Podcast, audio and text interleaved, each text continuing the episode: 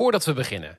Je luistert deze podcast omdat je misschien wel wilt gaan ondernemen of jouw bestaande bedrijf wil verbeteren. Wil je dit en tegelijkertijd je HBO-diploma halen? Dat kan. Bij de internationale vierjarige HBO Entrepreneurship opleiding van Team Academy Amsterdam. Hier word je in je studietijd op een persoonlijke manier gecoacht en krijg je tijd om uit te zoeken wat je passie is en hoe ondernemerschap je kan helpen groeien. En dat in een community van internationale medestudenten met dezelfde doelen en ambities als jij. Ben je geïnteresseerd? Er is elke maand een interactieve introductieavond waarvoor je je nu kunt opgeven op teamacademy.nl. Dan gaan we nu naar de aflevering. Tof dat je luistert naar De Job, oftewel de Jonge Ondernemers Podcast. Iedere aflevering interviewen we een jonge ondernemer over een concreet dilemma waar jonge ondernemers tegenaan lopen. En in deze aflevering het dilemma: ondernemen met een missie of met een missie ondernemen. Hans, waar denk jij aan bij het woord missie?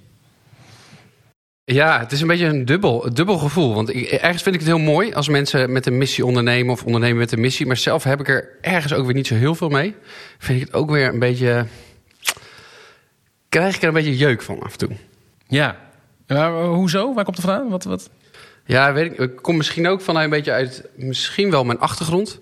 Dus waar uh, in een christelijke omgeving opgroeit, waar het altijd over missie gaat. En wat is je doel en, uh, en wat is je purpose. En Ja. Daar heeft misschien ook wel een beetje mee te maken, wat allergie nog. En dat is ook nu weer een beetje de trend, hè? Er moet een verhaal Ja. achter zitten, er moet een passie of een missie achter zitten. Ja, waarbij ik ook veel, vaak, heel vaak denk, dit is een beetje gezocht. Of dat het wel heel mooi beschreven. dat Of mensen- juist gewoon met die greenwashing natuurlijk. Ja. Zie je ook veel. Ja. Zeker. Nou, laten we gaan luisteren naar Felix Govers van Living Image. Yes.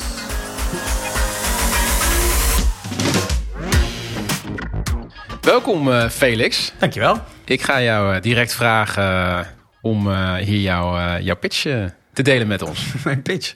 Zo, gelijk in het diepe.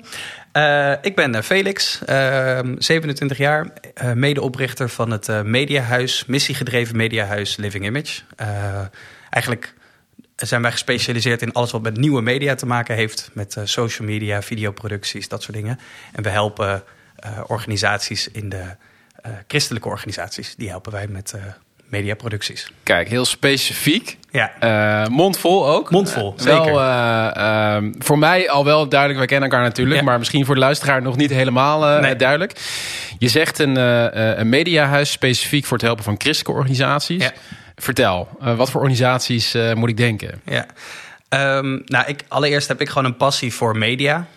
Ik heb eigenlijk op vrij jonge leeftijd de impact die je kan maken met media ontdekt. Dan moet je denken aan een documentaire als Cowspiracy of zo, weet je wel. En eh, back in the days had je nog eh, Alan Gore. Nee, eh, Cowspiracy, Al. Gore. Al Gore. Gore over de klimaatcrisis. Dat, was, Ja. dat had zo'n enorme impact op gewoon mensen. Ja. Dat ik gewoon gefascineerd raakte over de impact die je met media kan maken. Of met documentaires kan maken. Daar ben ik eigenlijk toen, eh, nou, in die richting ben ik gaan studeren. Of ben ik een beetje gaan zoeken en gaan ontwikkelen. Ehm, en eh, uiteindelijk ging ik dat proberen te combineren met een andere passie van mij. Ik ben zelf eh, christen en nou, daar, ben ik, daar ben ik heel enthousiast over als maker. Ehm, en ja, een van de dingen die ik vrij snel doorhad, is dat je in een, dat je een niche moet kiezen. Hè? Als je gaat ondernemen, dat je eh, moet focussen op van hey, ehm, met welke mensen kan ik goed connecten of zo, weet je? Of Ja. eh, wie zit er in mijn straatje? En ehm, nou, zo heb ik op vrij jonge leeftijd die combinatie gemaakt tussen media en mijn geloof. En eh, van daaruit een beetje gaan ondernemen. Ja, dus dat is jouw verhaal. Dan gaan we, dan gaan we Ja. zo zeker ook nog even wat, eh, wat dieper op in. Want ik denk dat dat ook heel interessant kan zijn in relatie tot het thema van deze aflevering. Ja. Maar toch nog even terug naar die organisaties. Ehm, als Living Image helpen jullie die organisaties. Ja. Er zijn veel mensen die eh, misschien ook geen beeld hebben van, Nee. van, van wat, wat zijn dat nou? Christelijke organisaties. Kun je Ja. een voorbeeld geven Zeker. van een klant of een project die jullie onlangs eh, hebben gedaan? Ja, wij helpen bijvoorbeeld de ChristenUnie, zijn politieke partij, met videoproducties. Kijk, nou, die- die- die- die eh, kennen we wel, Ja, die kennen we, Ja. ja. Ehm, zo heb je eh, ook hulporganisaties, hè, NGO's. Ehm, grote NGO's, zoals het Leger Heils, kennen denk ik ook veel mensen. Die helpen we ook met videoproducties en social media bijvoorbeeld. Ehm, eh, ook hulporganisaties in het buitenland. Hè. Dus je moet je voorstellen, eh 50, 60 jaar geleden zijn er heel veel organisaties opgericht toen... eh, toen de meeste mensen nog naar de kerk gingen in Nederland, zeg Ja. maar.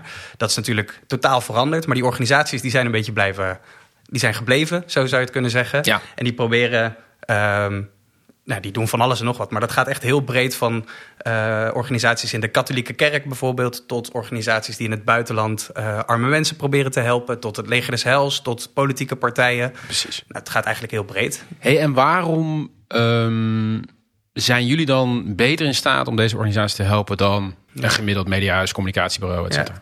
Nou, kijk, ehm, eh, ik denk dat het voor iedereen die samenwerkt met anderen eh, fijn is als die anderen met wie je samenwerkt, als je klikt met elkaar en als je elkaar begrijpt, zeg Ja. maar. Dat geldt voor alles. Ja. Hè? Dus, ehm, en dat merk je in, eigenlijk eh, ja, in onze niche, zeg maar, om het zo maar even te zeggen, merk je dat heel erg. Dus mensen vinden het gewoon heel prettig als ik als ondernemer, media-ondernemer, gewoon begrijp van hé, hey, waar komen hun keuzes vandaan? Of waar zetten zij zich voor in? Of waarom zetten zij zich daarvoor in, zeg maar.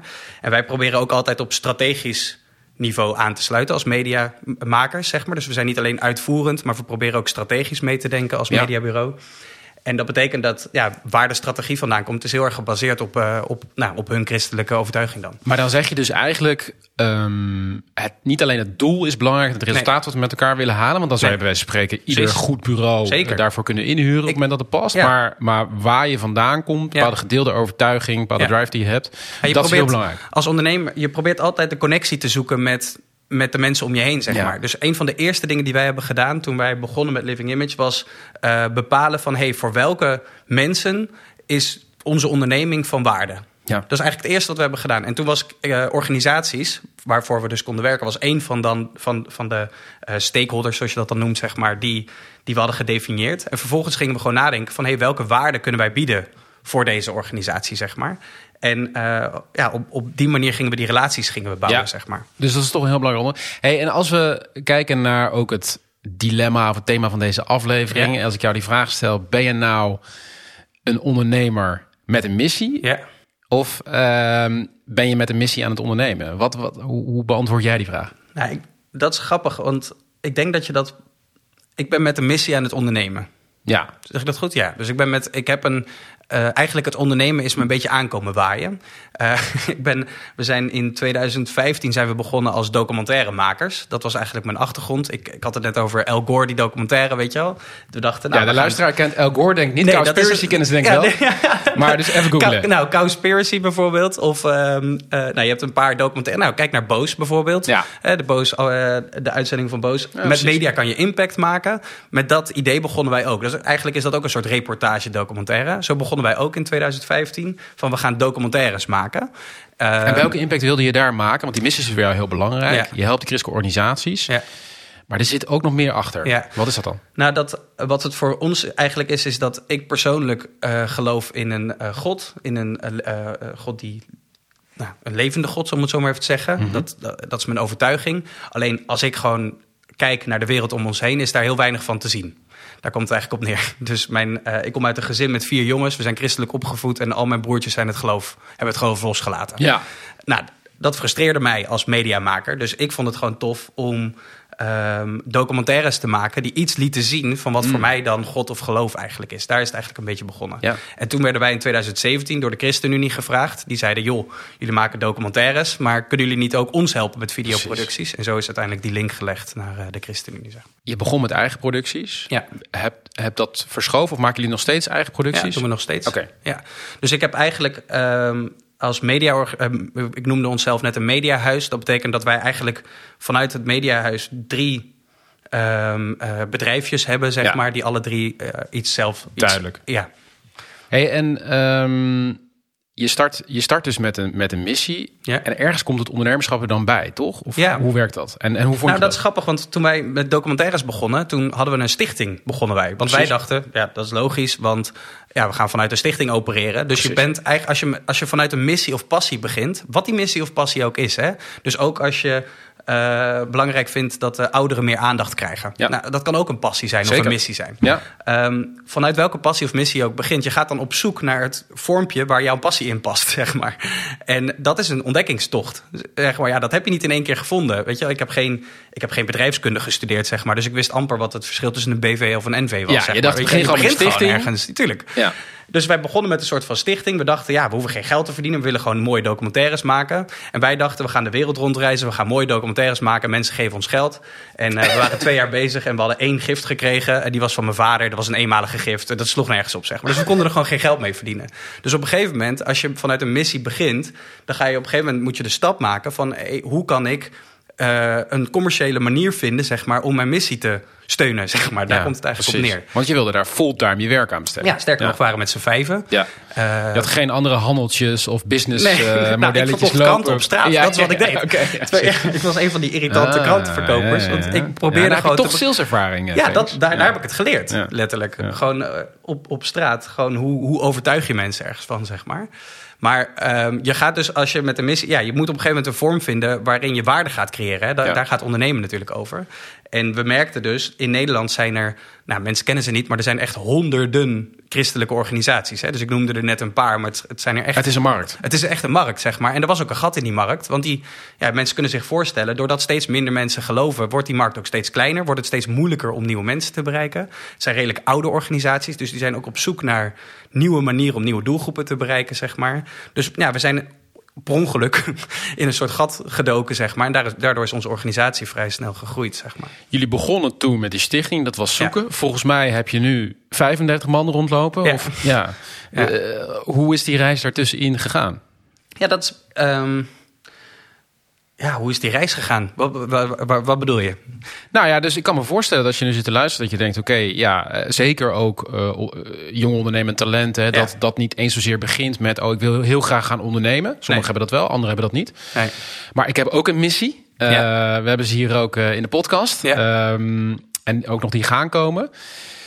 Hoe, hoe werkt dat? Je begint ergens, je kiest een vormpje... ehm, en uiteindelijk groei je door... en loop je toch tegen ondernemerschapsvaardigheden, Ja. vaardigheden, dingen die nodig zijn, loop je er tegenaan. Je moet keuzes maken, je moet eh, je team eh, gaan Ja. leiden, je moet mensen binnen gaan halen. Ja. Eh, je organisatie eh, groeit, je moet dingen gaan financieren. Allerlei dingen die je eigenlijk gewoon ja, tegenkomt binnen het ondernemerschap Zeker. ook. En dat komt erbij. Ja. Hoe, hoe- was dat voor jou? Vond je dat moeilijk? Waren de uitdagingen groot? je het is, opgelost? Dat is heel moeilijk. En je, eh, eh, of tenminste, je, je leert heel veel dingen gaandeweg. En eh, het allerbelangrijkste is dat je je eigen verhaal vindt, zeg maar. Dus het, het, het eerste waar wij mee zijn gestopt is ons gaan vergelijken met andere mensen. Want het heeft gewoon niet zoveel zin. Wij, hebben, wij leven in onze realiteit. Wij zijn met onze missie, droom bezig, zeg maar. En wij moeten gewoon met, met elkaar, we waren met z'n vijven, gaan zoeken van oké, hoe gaan we dit verhaal realiseren? Precies. En er waren heel veel mensen die ons een beetje uitlachten van waarom gaan jullie in die wereld werken? Weet je, een beetje in een ouderwetse, stoffige wereld.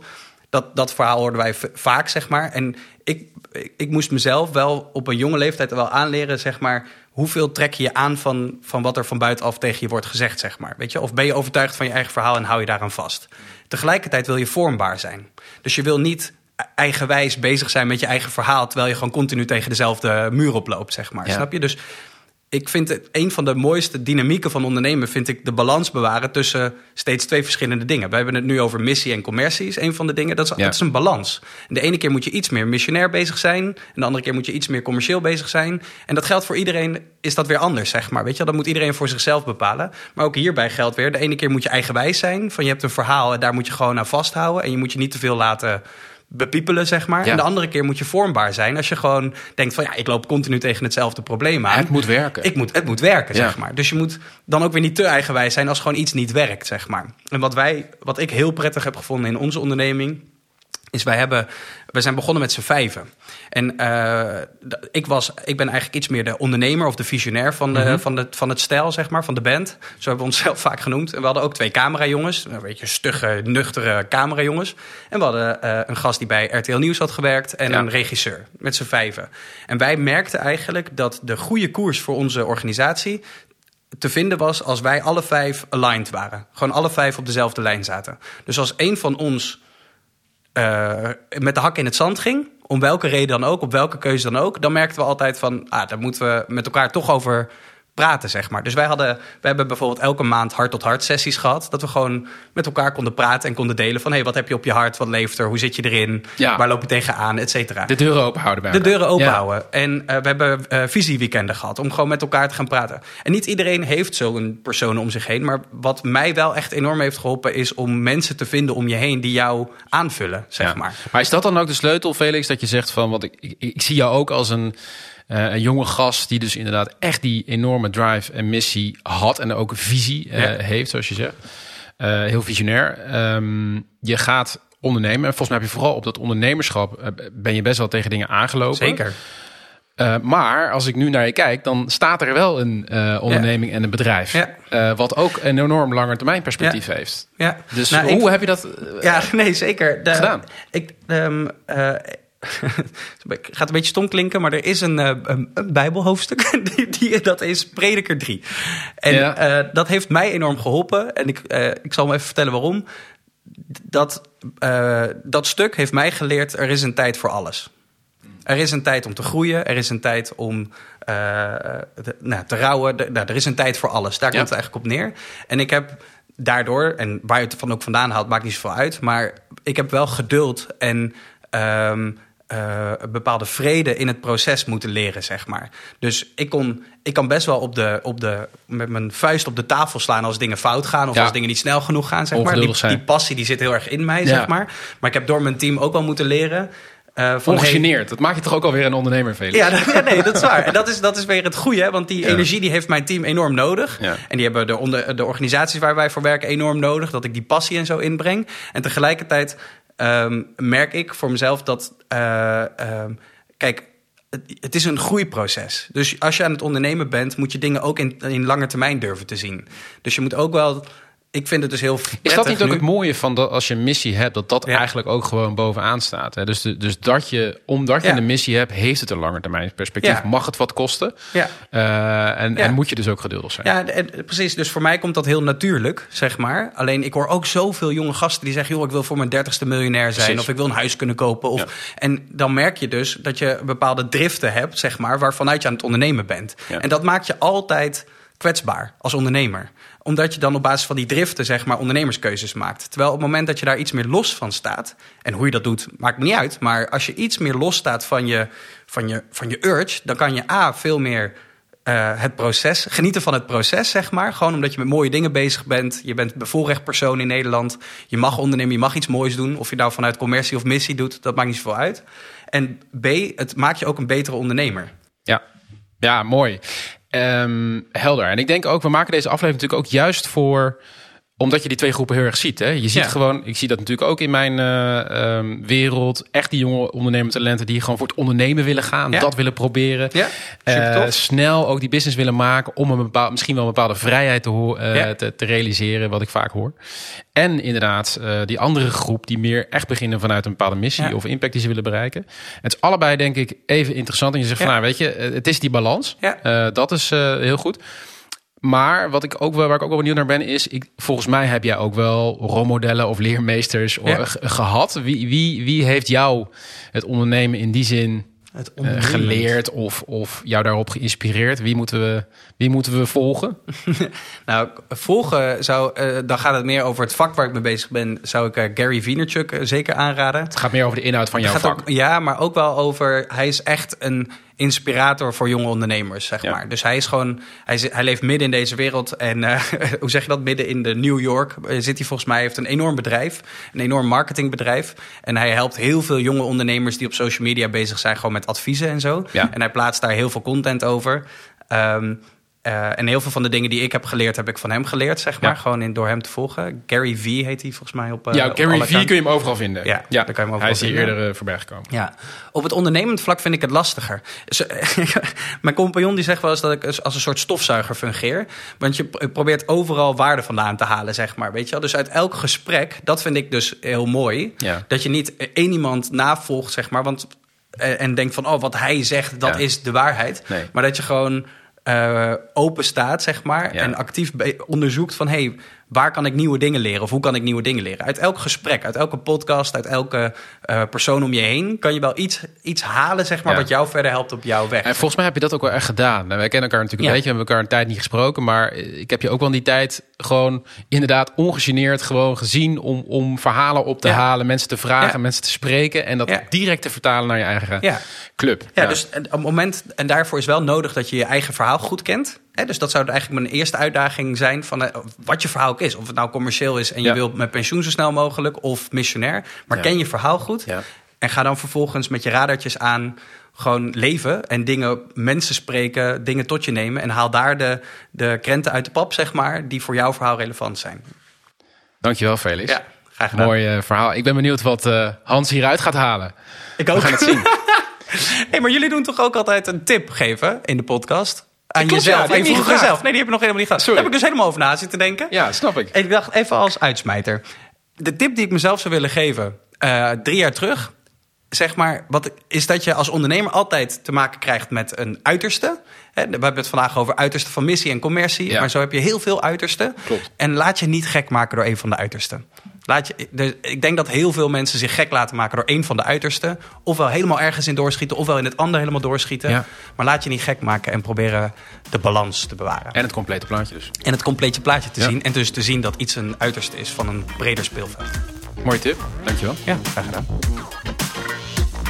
Ja, dat was het verhaal van eh, Felix, Hans. Hoe eh, heb jij er eh, met, met, met jeuk, of hoe heb je ernaar geluisterd? Ik vond het een heel enthousiast verhaal. Felix, enthousiaste vent.